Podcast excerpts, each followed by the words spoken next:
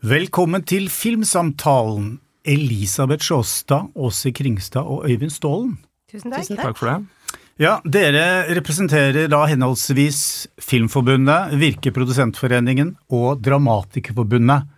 Og eh, vi skal forsøke å se tilbake på året som gikk, og se litt fremover. Og da handler det om filmpolitikk. Og eh, en del andre ting, selvfølgelig. Eh, det har vært et begivenhetsrikt år. Kanskje ikke et Nei, definitivt ikke et annus horribilis. Eh, selv om vi har opplevd streik, eh, kunstig intelligens som bare spøker i bakgrunnen, og Viaplay-kollapsen, flere negative tendenser.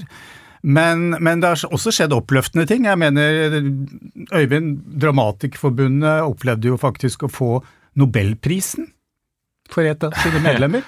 ja, vi fikk ikke prisen, men Jon Fosse fikk uh, absolutt en uh, velfortjent pris. Ja. Så den, uh, vi tar jo gjerne litt ære for det. Ja, men Det er jo fantastisk. Jeg mener en stor ting for også Dramatikerforbundet. Absolutt. Altså, det her er jo veldig Jeg begynner med det positive, for et, etter hvert så bare raser det nedover. ikke sant? ja, jeg kan prøve ja. å snakke så lenge som mulig. Så. Nei, han, eh, han, eh, er jo et godt eksempel på hvor viktig det er å sette opp ny norsk dramatikk, og ikke bare spille Ibsen og Shakespeare um, på, på, scener. Og det er jo dyrt å betale dramatikere, så håper jo at, at, man ser verdien av det, rett og slett. Mm. Vi får ikke noe ny Jon Fosse hvis vi ikke spiller nye stykker. Nettopp. Og dette er jo anvendelig for uh, film- og TV-bransjen også, skulle jeg tro, hvor man også er, har, selvfølgelig er avhengig av og har en stor svakhet for å kjøre business as usual. Uh, men det er jo også, som jeg er inne på, name of the game. Men jeg tenkte vi skulle spole litt tilbake til uh, forsommeren. da måtte kulturminister Anette Trettebergstuen tre av som minister, eller rett og slett gå av.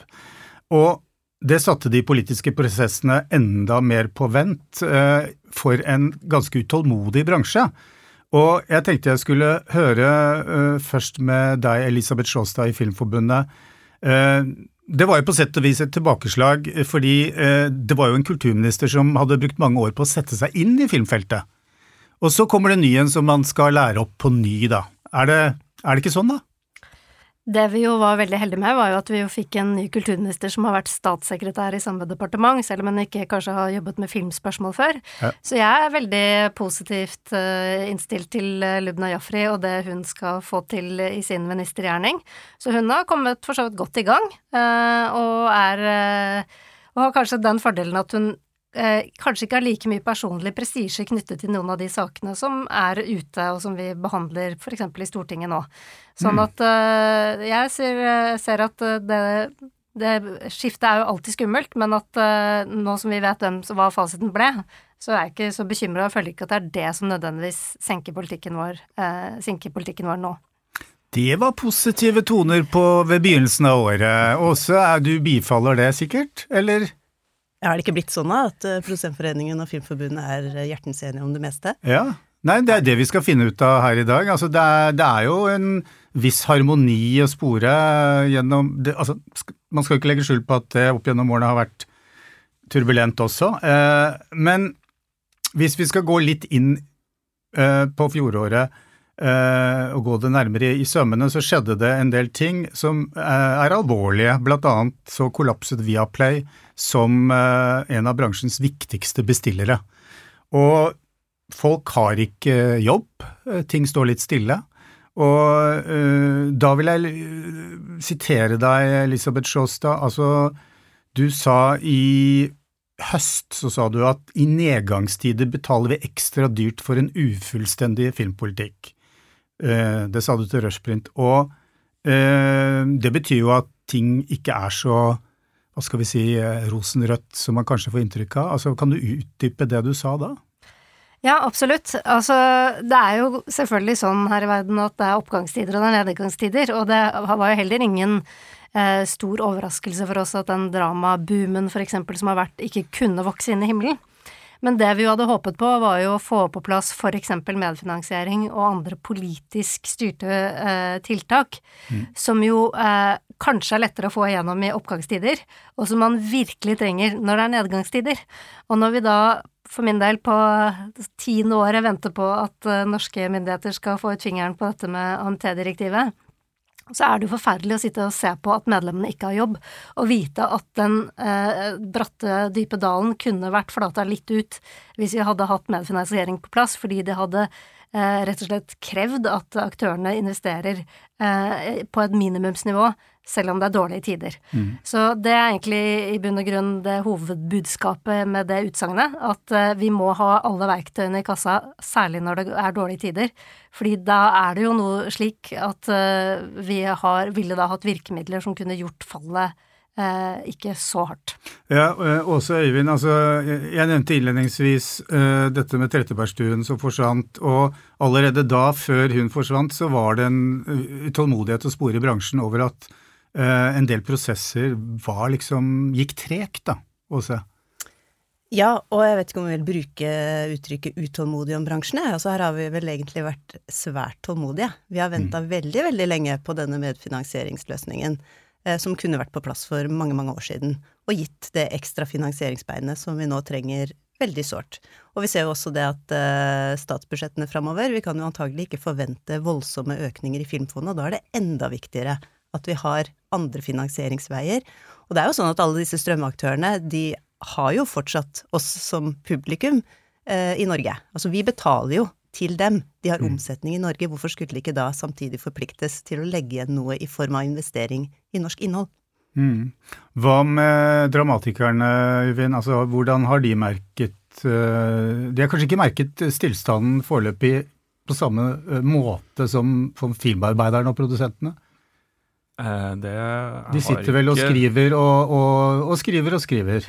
Ja, du kan si eh, Nå vet ikke jeg hvordan eh, produsentene og firmaarbeiderne egentlig har det, men for, for manusfattere har det jo de siste ikke, fem årene vært helt fantastisk. Du har gått ut fra, fra, filmskoler til og med før du er ferdig på filmskolen, kan du få plass i et skriverom og, og begynne å skrive ting som sendes. Og er litt sånn, jeg begynner å bli noen år, og husker når jeg gikk ut fra filmskolen, så tok det, det tok noen år før du liksom fikk den første jobben, og enda noen år før du, før du fikk eh, noe opp på en skjerm eller en, et lerret. Så eh, på en måte er det litt sånn eh, vel, Velkommen til filmbransjen, på en måte. Det, det, det er jo dette som er normalen, at man skriver, og noen ganger får du betalt for å utvikle ting, og noen ganger er det noen som ber deg om å, å skrive litt sånn uh, på lovnader om at du skal få noe senere. Eller du skriver uh, på egen hånd med støtte fra, fra Filminstituttet. Og, og, det er nok det som er mer en normal situasjon, da.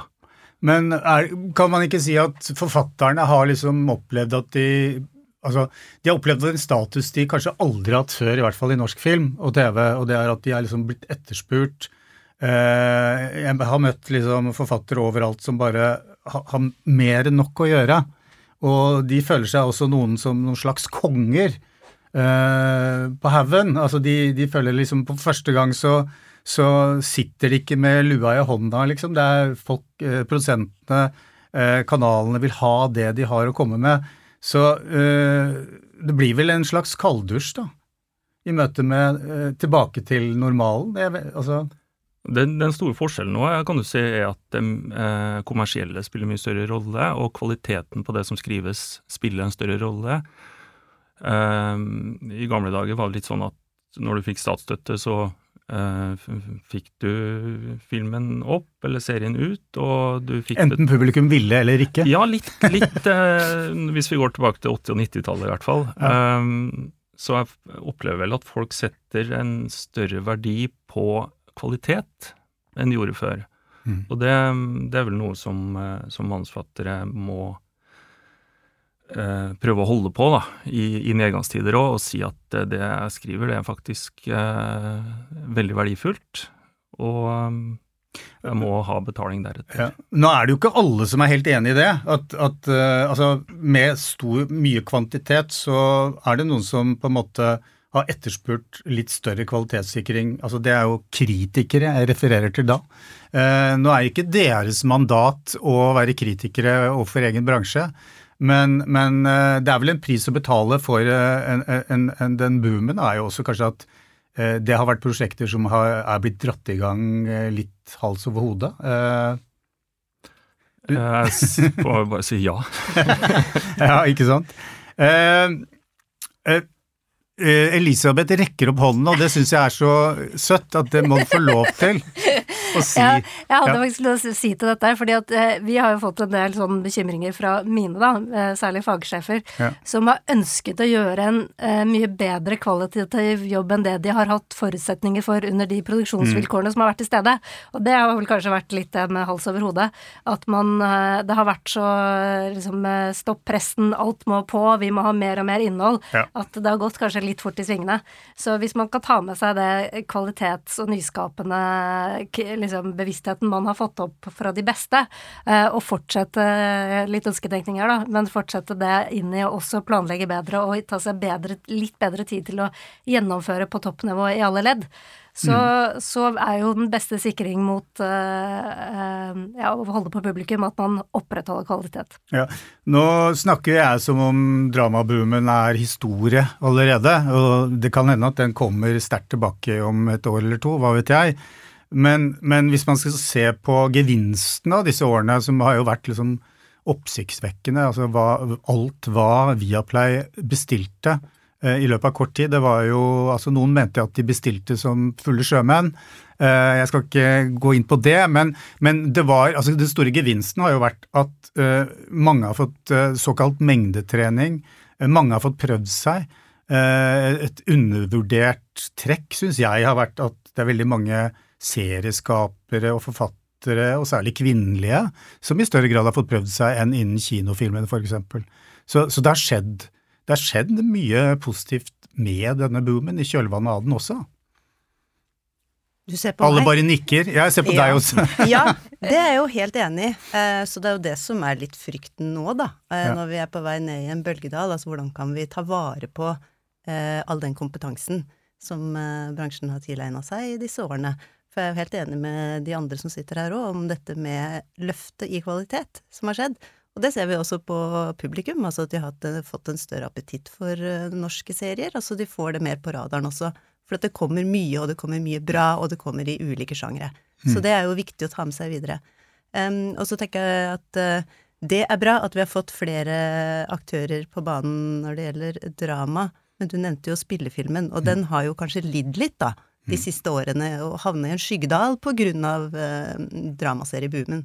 Så nå er det på tide å børste støvet av den norske spillefilmen, løfte den ordentlig fram igjen, altså skikkelig. Gi den et ordentlig boost. Så når vi, når vi nå er tilbake til den gamle normalen, som det heter, eh, så, så så kan det hende at spillefilmene får liksom eh, en, en, liten boost. da.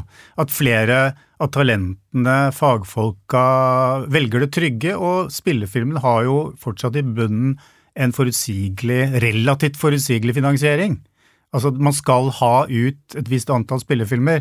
Det er ikke noe som sier at man skal ha ut et visst antall dramaproduksjoner i samme omfang, fordi det er drevet av i så stor grad av kommersielle interesser også. Ja, og nå beveger vi oss også litt over på visningsarenaene, tenker jeg. Mm. Altså nå kommer det jo etter sigende en kinoformidlingsstrategi fra regjeringa i løpet av uh, våren.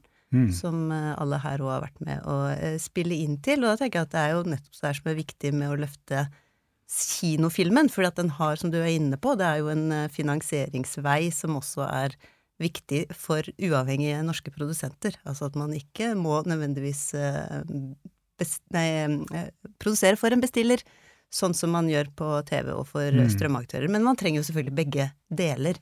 Og da er det jo også interessant å se at uh, selv om det nå har blitt færre bestillinger eh, fra strømaktørene, så er det jo blitt flere spillefilmbestillinger av mm. norsk film.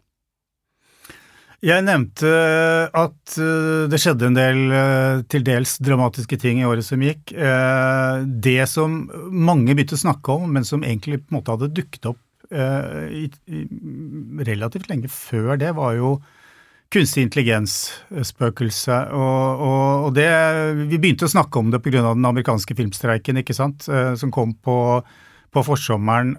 Og, og, plutselig så snakket alle om det. Og, det var som om det på en måte plutselig hadde rammet oss, kommet bakfra. Helt overraskende. Men, men altså, Øyvind, eh, for forfatterne kom det også sånn helt bardus? Ja, ChatGPT kommer ja. ganske plutselig, ja. ja. Nettopp. Hvordan vil du oppsummere, hva skal vi si eh, Føler forfatterstanden seg ekstremt sårbare, eller, eller, er det på en måte Maler vi fanden på veggen, eh, eller hvordan skal vi på en måte eh, Hvor skal vi liksom plassere, plassere, denne frykten, da? Hvor, hvor, reell er den? Den første panikken har nok gitt seg litt. Ja. Uh, jeg tror vi må se på uh, kunstig intelligens som Altså, det kan jo i verste fall være liksom uh, slutten på menneskeskapt underholdning. Men det kan også være et, et godt verktøy.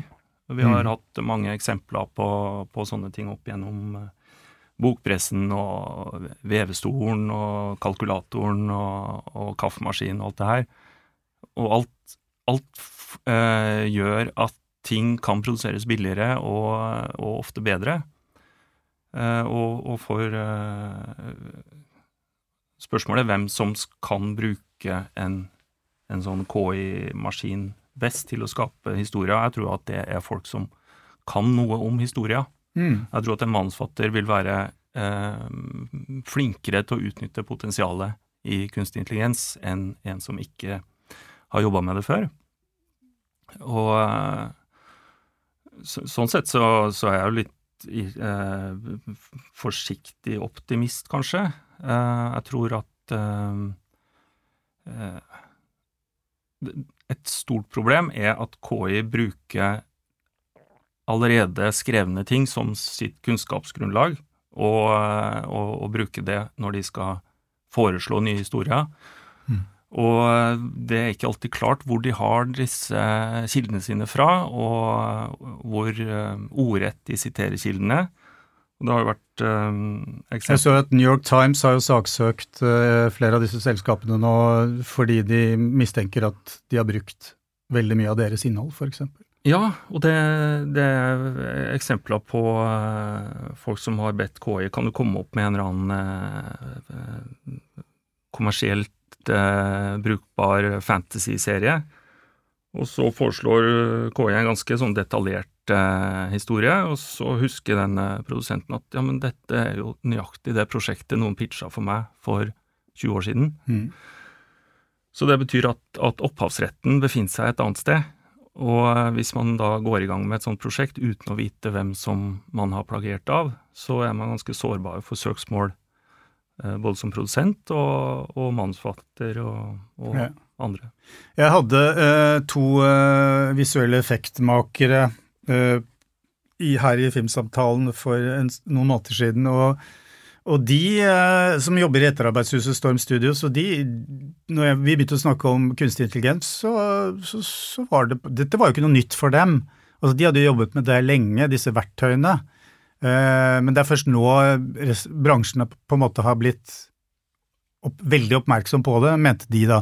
Altså Elisabeth, altså Filmforbundets medlemmer, eh, hvordan har diskusjonen vært der om akkurat dette fenomenet? Altså er folk redd for jobbene sine. Det var jo det, var jo, eh, det ble jo en nyhetssak når eh, en av eh, grunnleggerne av Dreamworks, Katzenberg, en animasjonsprodusent, sa at for noen måneder siden at i løpet av få år så vil hva var det, 80% av alle ansatte i animasjonsstudier vil forsvinne.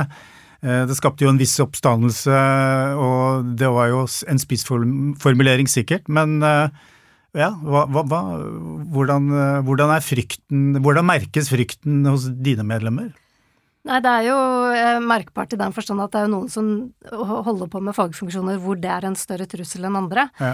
Og så er det jo kanskje ikke opp til Det som er skummelt, er jo på en måte eh, omfanget Uh, og jeg syns også det at de som egentlig har laget dette her, som litt som Frankensteins monster, selv går ut og kommer med advarsler om at de har skapt et monster de ikke kan kontrollere. Da er det jo grunn til å tenke at ting ikke er business as usual, uh, og at dette er et artig verktøy. Uh, så, så det er jo for spørsmålet blir jo hele tiden i vår globaliserte verden hvem er det som holder i spakene? Hvem er det som bestemmer hvilket omfang dette skal få, på hvilke premisser? Mm. Og det som jo hele tiden er vårt problem som uh, skapende og opphavere, da, er jo at lovgivning har en tendens til å hele tiden måtte løpe etter. Og vi vet jo hvor treigt det går å, å få, få, i stand lovverk osv. Og, så uh, og så når man også får opp en del lovverk som kanskje ante konturene av noe, men, og kalte det f.eks. Uh, data and text mining, som det står i noen av EU-direktivene, men overhodet ikke tok inn over seg hva dette kunne bli i generativ AI, eller KI. Da har man jo på en måte også plutselig eh, lovgivning som kan jobbe, som er der, men som ikke, er, uh, ikke skal tolkes så bredt som den, uh, som den kan gjøre med dagens kunnskap. Da. Mm. Så, så, det er blitt en ganske sånn innfløkt floke. Uh, så jeg er jo kanskje mest bekymra for hvem som får lov til å bestemme hva dette skal bli og ikke bli.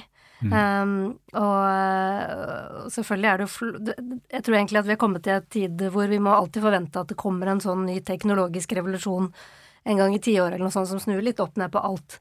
Uh, men det er klart, der maskinene begynner å tenke selv, er jo på en måte et såpass skremmende scenario at ja, det er jo grunn til ikke, ikke tenke at dette går over. Mm. Uh, Åse, altså dine medlemmer, produsentene, har jo på en måte en slags forpliktelse til å utforske ny teknologi, nyvinninger, ikke sant, for å hvordan kan det brukes? Uh, og en av deres medlemmer, er det vel Kvisten Animasjon, har jo fått støtte fra jeg vet ikke, Var det Forskningsrådet, eller var det altså til å utforske KI uh, i samarbeid med flere aktører? Altså med andre ord, det, det skjer ting, og man er man er på ballen, eh, men, men, så er det dette med Altså, vi, ja, vi lever i en liten språknasjon, vi er et lite land, vi er utenfor EU. Eh, mye vil bli avgjort av EU, osv. Vi skal ikke diskutere EU-debatten, ta den, men, men, men, altså, jeg kan jo spørre dere alle i forhold til altså, vi gjerne Vi ønsker gjerne regulering her til lands, fordi det er på en måte eh, noe vi er vant til. Og KI er jo ved siden av dette med også medfinansieringsplikt. Eh, altså det er fra strømaktørene, det er noe vi, vi ønsker eh, at eh, man fra politisk hold skal kanskje være litt aktiv overfor, da, og, og, prøve å, altså som Elisabeth sier, se til at lovverket ikke havner helt på etterskudd. Ja, det er jeg jo enig i, men uh, lovverk er jo veldig ofte på etterskudd. Uh, ja. Og sånn må det jo på en måte være ja. også. Altså ikke... Litt farlig å ligge for uh, tidlig. Ja, i, det, det, er noen forkant. andre regimer enn det vi liker å sammenligne oss med, tenker jeg. og når det gjelder KI eller AI, så må vi jo først og fremst se på det som et verktøy. Det er der. Vi kan mm. ikke lukke øynene for at det er der, og at det har absolutte positive effekter for, for bransjen vår å kunne bruke det. Men så er det jo dette med å use it wisely, da. Mm. Det handler om Jeg tror ikke at det kommer til å erstatte den menneskelige, kreative hjerne.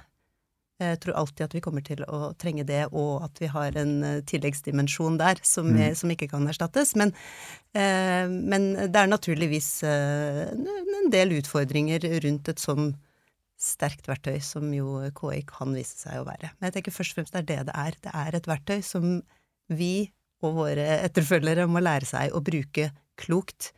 Eh, vi kan ikke gå tilbake igjen til at det ikke skal være der, for det kommer til å være der, og det kommer til, var vel det du sa også, Elisabeth, det kommer en ny teknologisk eh, eller digital revolusjon eh, med jevne pulser framover. Det kommer til å gå i høyere takt enn noen av oss har opplevd før. Mm.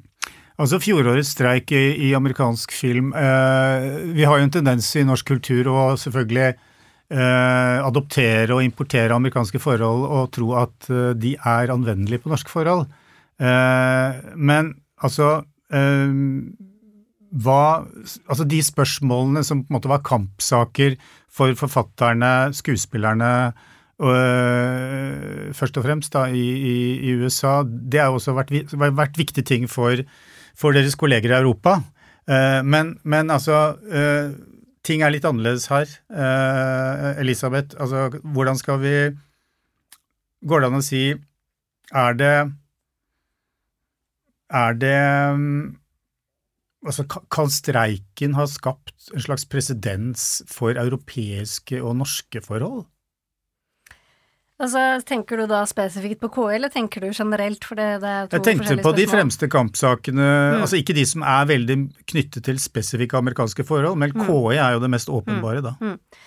Altså, det som jo på mange måter uh, uh, Prinsippene i lovgivningen er teknologinøytral på, da. Det er mm. jo at de som skaper verket, også skal nyte godt av den suksessen og det, det materielle og inntektene som, som det genererer. Mm. Eh, så noe av det som, gikk, eh, som jo streiken angikk både for skuespillerne og for, for manusforfatterne, var jo eh, Kan du si mer om, selvfølgelig, Øyvind?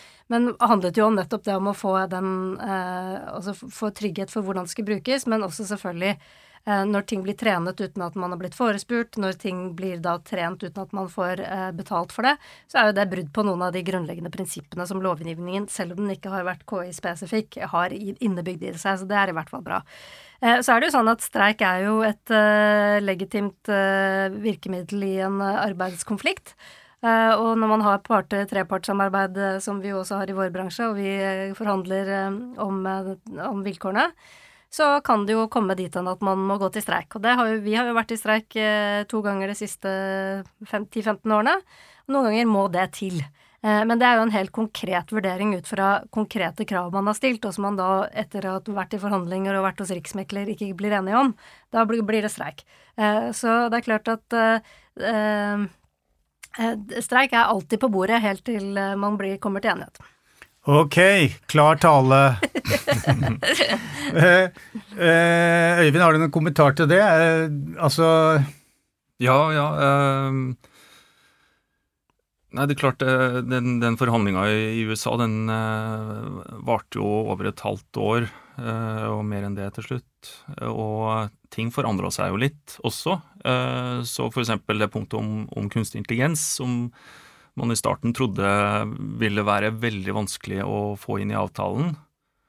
Det viste seg å gå veldig fint til slutt, fordi jeg tror også produsentene oppdaga at dette her kan slå tilbake på dem. Så det, de var interessert i å få en eller annen eh, regulering på det. Og det andre som, som er viktig, som har også med, med det herre eh, paradigmeskiftet da, som, som, Elisabeth nevnte, det er jo at når det mesteparten av det vi ser, strømmes, så har vi ikke noe sånn godt system på å vite hvor mange som ser det vi har eh, vært med og skapt. Dermed vet vi ikke hva verdien på vårt, eh, vårt arbeid er. Så det, der har jo eh, de amerikanske forfatterne fått innsyn i eh, seertall på mm. strømmetjenestene, rett og slett. Og det eh, er ganske oppsiktsvekkende. Ja, det virker også som Netflix har begynt å lette litt mer på sløret også, i forhold til det. Uh, ja, det er jo flere ting som spiller inn her. da, hvis De vil ha, de har jo snakka om at de vil ha reklame for eksempel, på tjenesten sin, og da må de jo ha noe seertall å, å vise fram. Mm. Uh, en annen ting med, med streiken i USA viste jo hvor stor forskjell det er på uh, studioene som alltid har vært interessert i å lage film, og, og de som er um, egentlig tech-selskapa, som Apple og, og, Amazon og de, som de hadde egentlig ikke så stor tok ikke så stor skade av streiken som de andre, fordi de, var ikke, de hadde ikke investert så mye i produksjon, de levde jo av strømmetjenestene sine. Så der, eh, der fikk du jo en sånn eh, eh, Ja, veldig sånn delt produsentstand der, da. Og det er jo mm. viktig å, å påpeke at, at eh, konflikten i USA handla jo ikke om mannsfattere mot produsenter som personer, men det handler om de store selskapene. Altså det, heter Association of Motion Picture Producers, som mm. da er studioene. Eh, nå også Apple, Amazon og ja. Ja, ikke sant.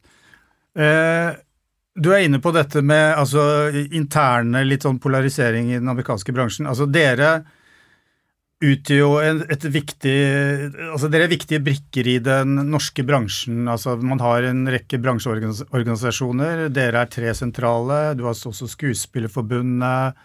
Uh, og så har man uh, Har jeg glemt noen da? Regissørene. Regissørene, unnskyld.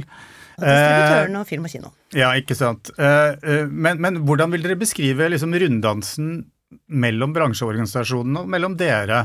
Dere er liksom forhandlingstekniske motstander iblant, og så skal dere også trekke i lag og bli enige om felles uh, innstillinger osv. Uh, hvordan vil dere Du nevnte det også, du sa det litt sånn halvt spøkefullt at uh, det hersker en harmoni. Uh, og, og, det gjør det jo sikkert når man trekker i lag og, og, har en felles kampsak. Og så er det da øyeblikk hvor man står steilt mot hverandre. Hvordan vil dere på en måte beskrive denne runddansen der? Ja, jeg kan jo begynne, da. Det, det er jo riktig, jeg sa det jo litt uh, flåsete innledningsvis her, mm. men det er jo mye sannhet i det. Uh, fordi vi har jo jobba aktivt med det. At vi har fått etablert bransjerådet for film som et konsensusorgan, i den forstand at vi står sammen som organisasjoner i filmpolitiske saker, og det ser vi jo at uh, gir oss uh, mye større gjennomslag også. Uh, når nytt storting ble satt for to og snart et halvt år siden, så møtte vi opp samla for den nye familie- og kulturkomiteen. Da kom det mange nye aktører inn der som ikke var kjent med feltet vårt. Og da fikk vi jo veldig mye positive tilbakemeldinger på akkurat det at vi hadde samla oss som bransjeorganisasjoner samla om et knippe saker som vi alle fronta, og det gjorde det også mye lettere for dem som myndigheter og beslutningstakere å vite hvordan skal de sortere, for de blir jo tilnærma av en rekke enkeltaktører og en rekke foreninger og forbund osv. Og, og det har jo kanskje vært uh, en innsigelse fra politisk hold, i hvert fall har jeg hørt en del ganger tidligere, at filmbransjen har bestått av mange ulike aktører som ikke har vært enige, og som som, som har gitt inntrykk av å, å, å ha ulike kjepphester. Og, mm. Men det er jo det man Det skal man jo ha. Også det er jo det ja, å finne den balansen, da. Jeg tenker at det, det er et litt sånn balanse. urettferdig bilde som henger ved filmbransjen spesielt. Altså ja. hvilken sektor er det som ikke har uenigheter mellom ja. ulike aktører? Det er jo helt latterlig at det skal være en en label på filmbransjen. Ja. Jeg tenker at uh, det at vi er motparter i forhandling, naturligvis er vi det. Vi er uh, arbeidsgiverside og arbeidstakerside. Sånn skal det være der. Men i mm. filmpolitikken så har vi nesten bare felles interesser. Og da, da sier det seg sjøl at det, det, er fint for oss å stå sammen når vi skal til kulturpolitikere og næringspolitikere og finanspolitikere med sakene mm. våre. Men uh, denne bransjen ble jo løftet fram som uh, Arbeiderpartiets hjertebarn en gang i tiden, når Trond Giske var kulturminister og man fikk Filmløftet osv. Og, så og uh, den gangen en, en, altså voksne bevilgninger men, si, men, det begynner jo å bli en stund siden, og det er lenge siden jeg har hørt at noen i bransjen snakker om at at uh, filmen er liksom Arbeiderpartiets uh, hjertebarn, og at man en, får en spesiell uh, god behandling, eller på en måte er en slags favoritt. noe nærmest Trond Giske sa eksplisitt den gangen for er det 20 år siden? 15 år siden? ja, og, altså Elisabeth, hva kan vi si om det?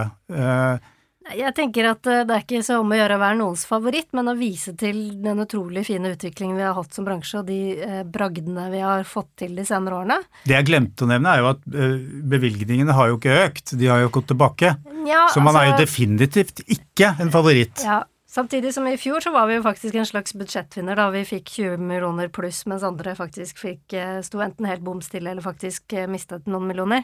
Ja. Men jeg tenker, altså det er jo noe med å eh, Vi har jo et enormt potensial, da.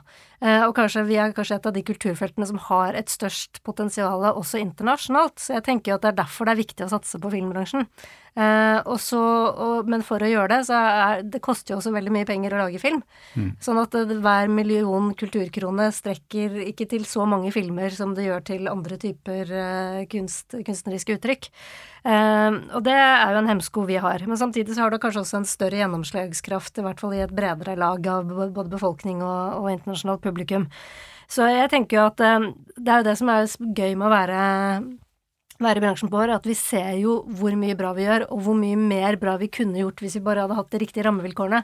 Det er det vi blir utålmodige ja. på. Og det er jo et populistisk medie som selv populistiske partier kan legge sin elsk på. Dere bør ikke kommentere det, men uh, hvis dere ikke vil. men, men, ja, det, det er, det er en slags Det er noen gevinster ved å jobbe med film, fordi alle har et alle er opptatt av det på et eller annet vis. ikke sant? Mm. Bare se den mottagelsen som uh, uh, makta har fått, ikke sant. En gedigen snakkis uh, som på en måte ingen I hvert fall ikke Altså ingen over, la oss si 30-35-40 år har unngått. Mm. Jeg skal ikke liksom påstå at ungdommen er så veldig opptatt av makta, mm. men, men, sannsynligvis så har også de fått en Overraskende mange av de virker som om de har fått det med seg på et eller annet vis, da. Mm. Det er nettopp de der type sånn leirbål eh, eh, samlingspunktene som vi trenger som et samfunn når vi er, blir så fragmentert når alle sitter på hver sin skjerm også, at det er noe som trenger gjennom den lydmuren og faktisk klarer å samle folk og bli snakkiser, da. Mm. Det er det som skaper liksom norsk kulturhistorie, da. Mm. Eh, så det er jo det, det at vi får frem den type nyskapende prosjekter som både er historiske, både nyskapende og uærbødige på samme tid, det er jo liksom på måte det eh, på mange måter Eh, et veldig bra symbol på det man kan gjøre med moderne fortolkning av eh, tidligere tider, og eh, ja, å reaktualisere ting som folk ikke da Altså, få hadde vel gått inn på et antikvariat og plukket opp eh, Gro eller Kåres biografier og begynt å lese begynt å tenke disse tingene sjøl. Det må jo mm. settes i, fornyes for nye generasjoner også, da. Ja. Så selv om de yngre kanskje ikke ser det nå, så kanskje de ser det om noen år igjen, og ja, gjenoppdager det da. Mm. Jeg, ja, unnskyld Øyvind, vær så god. Nei, jeg bare ville påpeke at, at en, en, bra ting med, med, økt aktivitet i vår bransje er jo at det blir tydeligere at, at film- og serieproduksjon er mer enn kulturpolitikk. Det er også næringspolitikk og distriktspolitikk. Og det å, det å legge til rette for at film kan skapes rundt om i landet vårt av, av de som bor der, eh, tror jeg er en veldig bra ting. Og det, det, har ikke bare med at de skal lage filmer fra stedet der de bor, men at det, skal, at det skal bli boende kreative folk over hele landet, tror jeg har, eh, har stor verdi for eh, mange næringer. Og så, så, er det jo også den herre medfinansieringsordninga som vi snakka om i stad, hvor uh, utenlandske produksjoner som er veldig stor stort behov for stab, eh, kommer hit og, og setter det liksom i sving eh, eh, cateringvirksomhet og, og innkvartering og transport, og liksom lage, mm. lage næring, rett og slett. Mm. Uh, for den regionale filmen, når vi da er, først er inne på det, så er jo insentivordningen blitt veldig viktig. Uh, og uh, da har jeg en, en slags gåte for dere. Jeg vet, eller blitt meg fortalt, at innerst inn i de innerste rommene eh, i Finansdepartementet så sitter det en sjuende far i huset på veggen eh, som har sagt nei til en sånn ordning i uh, utvidet, ekspansiv insentivordning i Norge. Hvem er denne sjuende far i huset? For det er der det stopper. Ja, dette er jo blitt en sånn urban myth, egentlig. Ja.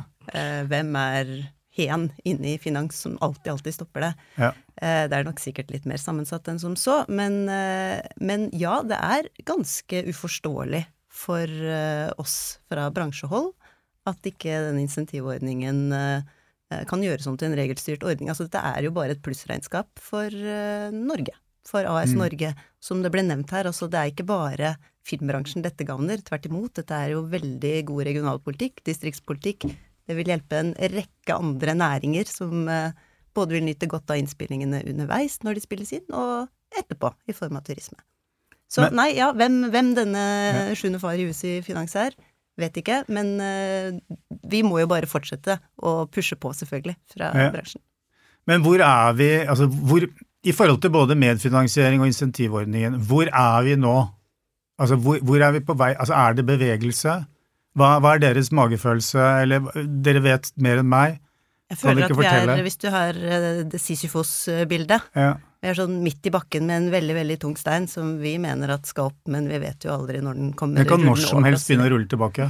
Det virker litt sånn. Altså, ja. det er Og da må vi tilbake igjen til dette med tålmodighet og tålmodighet. Ja. Altså, fytti katta for en tålmodig bransje vi er, som står og dytter og dytter på den steinen som åpenbart skulle vært på toppen.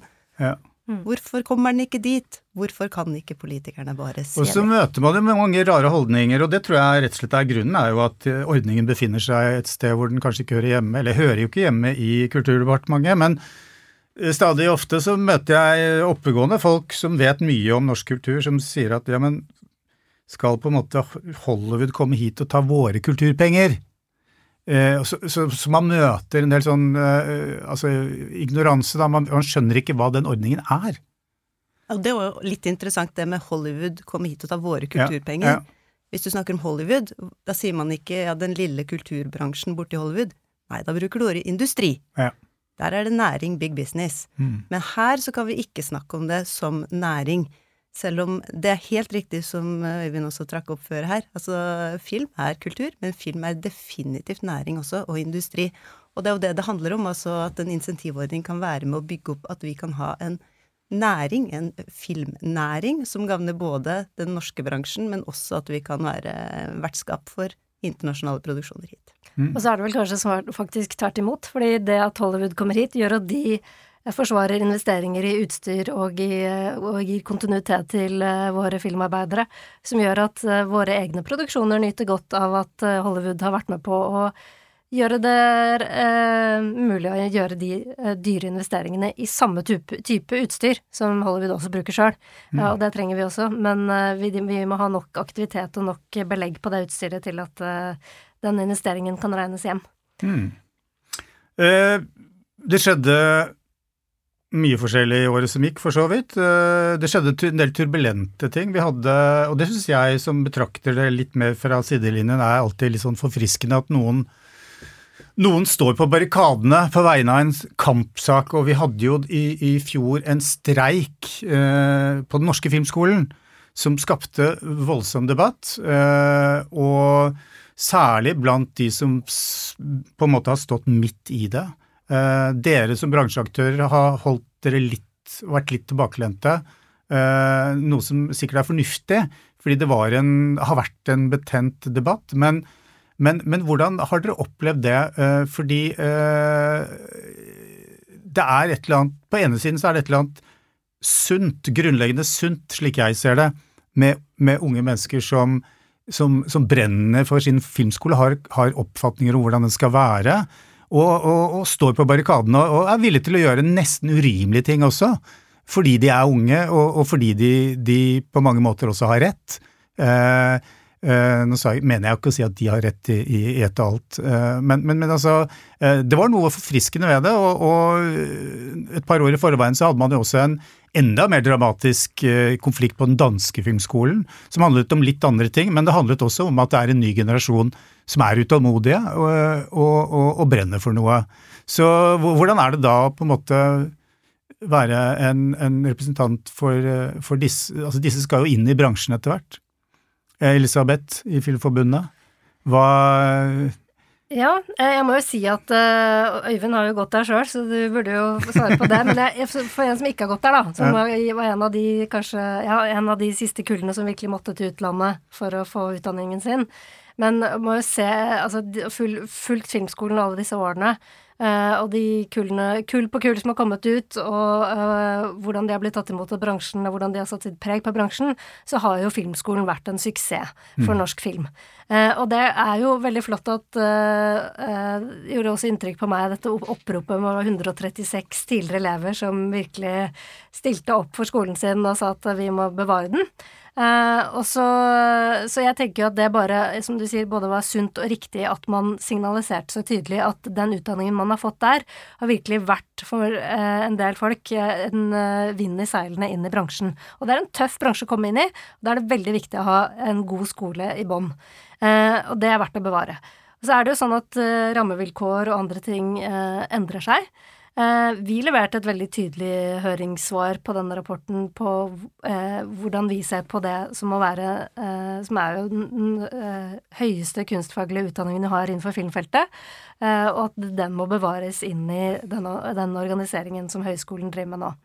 Så, så, vi har ikke nødvendigvis deltatt så mye i selve debatten, og sett at det har vært mange taleføre folk på Medlemmene dine har jo det i høyeste grad. Absolutt, og det ja. har jeg applaudert fra sidelinjen og tenkt at dette var deres stemme som skulle fram. Mm. Ja, du slapp elegant unna der, altså veldig bra. Eh, Åse, eh, hva, hva, slags refleksjoner har du gjort deg om, om, eh, om, det? Det er jo ikke så ofte vi opplever sånt i denne harmonisk i bransjen? ja, nei, jeg tenker også som deg at det, det, er bra at det virvles litt opp uh, innimellom. Vi mm. trenger jo det, selvfølgelig. Eh, når det gjelder vår rolle i den saken, så har jo vi også levert et uh, tydelig høringssvar, og her ble det gjort veldig mye fotarbeid i kulissene for mm. å samle også bransjeorganisasjonene om et par overordnede punkter som er viktig for bransjen og for filmskolen i det videre, og det er jo blant annet dette med å ha en kunstfaglig ledelse på toppen, eh, og sørge for denne kunstfaglige utdanningen. Altså med det som menes eh, at man skal kunne ha få og ja, la oss være ærlige, altså dette er jo dyre studieplasser, men det er jo nettopp fordi at disse er eh, spesialiserte og praksisrettede studieplasser, i motsetning til mer akademisk, kall det klasseromsundervisning, da. Mm. Eh, og så ser vi at dette er jo under press også i, uh, i, eh, kunnskapspolitikken for øvrig med denne typen studieplasser. Så det ønsker vi naturligvis å hegne om, og at man også skal få et masterstudium osv., som nå er i ferd med å etableres ordentlig for mm. Filmskolen. Det er ikke nødvendigvis et problem i seg selv at man ser på en sammenslåing ut fra administrative hensyn, men da er det jo desto viktigere at man ivaretar det faglige, altså her det kunstfaglige, mm. på høyeste nivå. Øyvind, du har gått der, og, og tidligere dekan Karin Julser sa at det skal storme rundt filmskolen. Ja. Det, vi var jo Jeg gikk jo på kull én. Ja. Dere gikk litt, litt, mer stille i dørene den gangen, kanskje? Det var så nytt og spennende, vet du. Ja, ja. Eh, men én ting som har vært eh, en liten kampsak fra før skolen eh, ble oppretta, er jo at den burde ikke ligge på Lillehammer. Og den burde i hvert fall ikke ligge som en del av, av høyskolen på Lillehammer. Og akkurat det føler jeg har eh, Det argumentet har blitt styrka gjennom den prosessen her. Men så er det jo stadig oftere flere som sier da at men kan vi ikke bare legge den ballen død? Kan vi ikke bare Nå er den på Lillehammer, vi må forsone oss med det. Altså, men, men, du vil ikke legge den helt død, nei? Nei, du kan si hvis, hvis de hadde fortsatt å, å, ha Filmskolen på Lillehammer og, ja. og, styrke den, så kunne man sagt det, men nå har alt blitt kasta litt opp i lufta og mm. eh, land, skal lande på nytt. Så det vil jo vise seg da om, eh, om de klarer å opprettholde standarden. Hvis ikke så tenker jeg dette er et, et eh, enda bedre argument for å løsrive Filmskolen fra Lillehammer. Um, og så vil jeg bare si det at um, jeg vet også mange av uh, mine kollegaer uh, jobber med folk som kommer fra TV-skolen. Mm. Og det er jo uh, De, de syns jo de er flinke og, og, har kvaliteter som man kanskje ikke har på filmskolen. Så, så jeg håper jo at, det kan, at de kan styrke hverandre. Men hvis de blir likere hverandre, på en måte, hvis filmskolen og TV-skolen blir mer den samme film- og TV-skolen, så tenker jeg da, da, mister vi egentlig muligheten til å ha et mangfold i utdanningstilbudet vårt. da. Mm. Det, vi rekker jo ikke å berøre alle hovedtrekkene fra i fjor, eh, men vi må også uh, se litt fremover, og jeg tenkte vi kunne avslutte med det. Altså, uh, det er en viss stillstand i bransjen. Uh, det er mange som ikke En god del som ikke har jobb. Og så venter vi på, fra politisk hold om at det skal på en måte komme litt mer bevegelse. Det er der vi er nå. Altså, hvis dere skal på en måte Hva ønsker dere skal skje da i 2024, bortsett fra det åpenbare at ting skal komme i bevegelse, det skal skje litt mer igjen. Men, men, men det skjer vel kanskje ikke sånn uten videre, Elisabeth? Nei, altså Jeg har ett ord, og det er medfinansiering. Nå, ja. Dette skal bli det året det må komme på plass. Altså, ja, Som sagt, nå har jeg venta Det er tiårsjubileum for eh, mitt første møte med Åse da i rollen som KUD. Mm. Så jeg tenker at uh, krone det tiårsjubileet med, med at det faktisk blir gjennomført. Så det er, uh, som vi har sagt også til ny kulturminister, den som får den ordningen på plass, det blir byste på, på, på et eller annet sted På, på soverommet ditt, i hvert fall. Ja, i hvert fall, ja. i hvert fall på kontoret mitt. ja. Jeg er også ti år er nok. Ja, det må vi vel si. Uh, altså, dette her er jo som å stå og dytte på en uh, ketchupflaske. Uh, jeg vet ikke hva det er som er i tuten der som ikke kommer ut, men det er medfinansiering, det er insentivordning, det er kinoformidlingsstrategi, det er regional filmpolitikk. Altså, get it done. Men jeg har lyst til å ta opp en annen ting òg, som jeg håper at 2024 skal ta med seg. Og det er at vi blir flinkere på å omstille til grønn produksjon i bransjen vår. Vi har faktisk det, bare Dette har jo jeg ikke tatt med i denne måte gjennomgangen, og det er jo liksom Jeg fortjener jo kjeft, og det får jeg sikkert òg. Ja, ja. ja, det er jo det åpenbare. Altså, det må vi, det ansvaret må vi bare ta. Eh, det er seks år igjen til 2030, og vi skal nå en 55% reduksjon av mm. Utslippene våre sammenlignet med 1990, og vi ligger på sånn 4,5 eller noe sånt. Mm. Det er jo kjempestusslig.